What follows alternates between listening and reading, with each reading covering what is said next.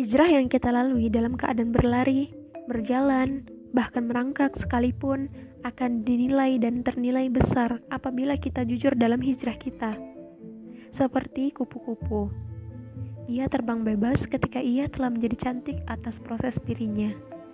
Dan sebaik-baik manusia adalah yang berusaha menjadi lebih baik dari hari sebelumnya. Apakah kita pernah berpikir, sudah jujurkah kita dalam berhijrah? Yang mengatasdasarkan lillah, namun nyatanya selalu berkeluh lelah. Hijrah itu mudah, yang susah itu istiqomah. Hijrah itu berusaha tangguh, bukan bermudah-mudah mengeluh. Maka, mari kita jujur dalam hijrah ini. Karena kejujuran saja masih dipertanyakan kejujurannya. Apatah lagi jika kita berbohong, apa yang akan kita jawab di hadapan Allah Azza wa Jalla nanti?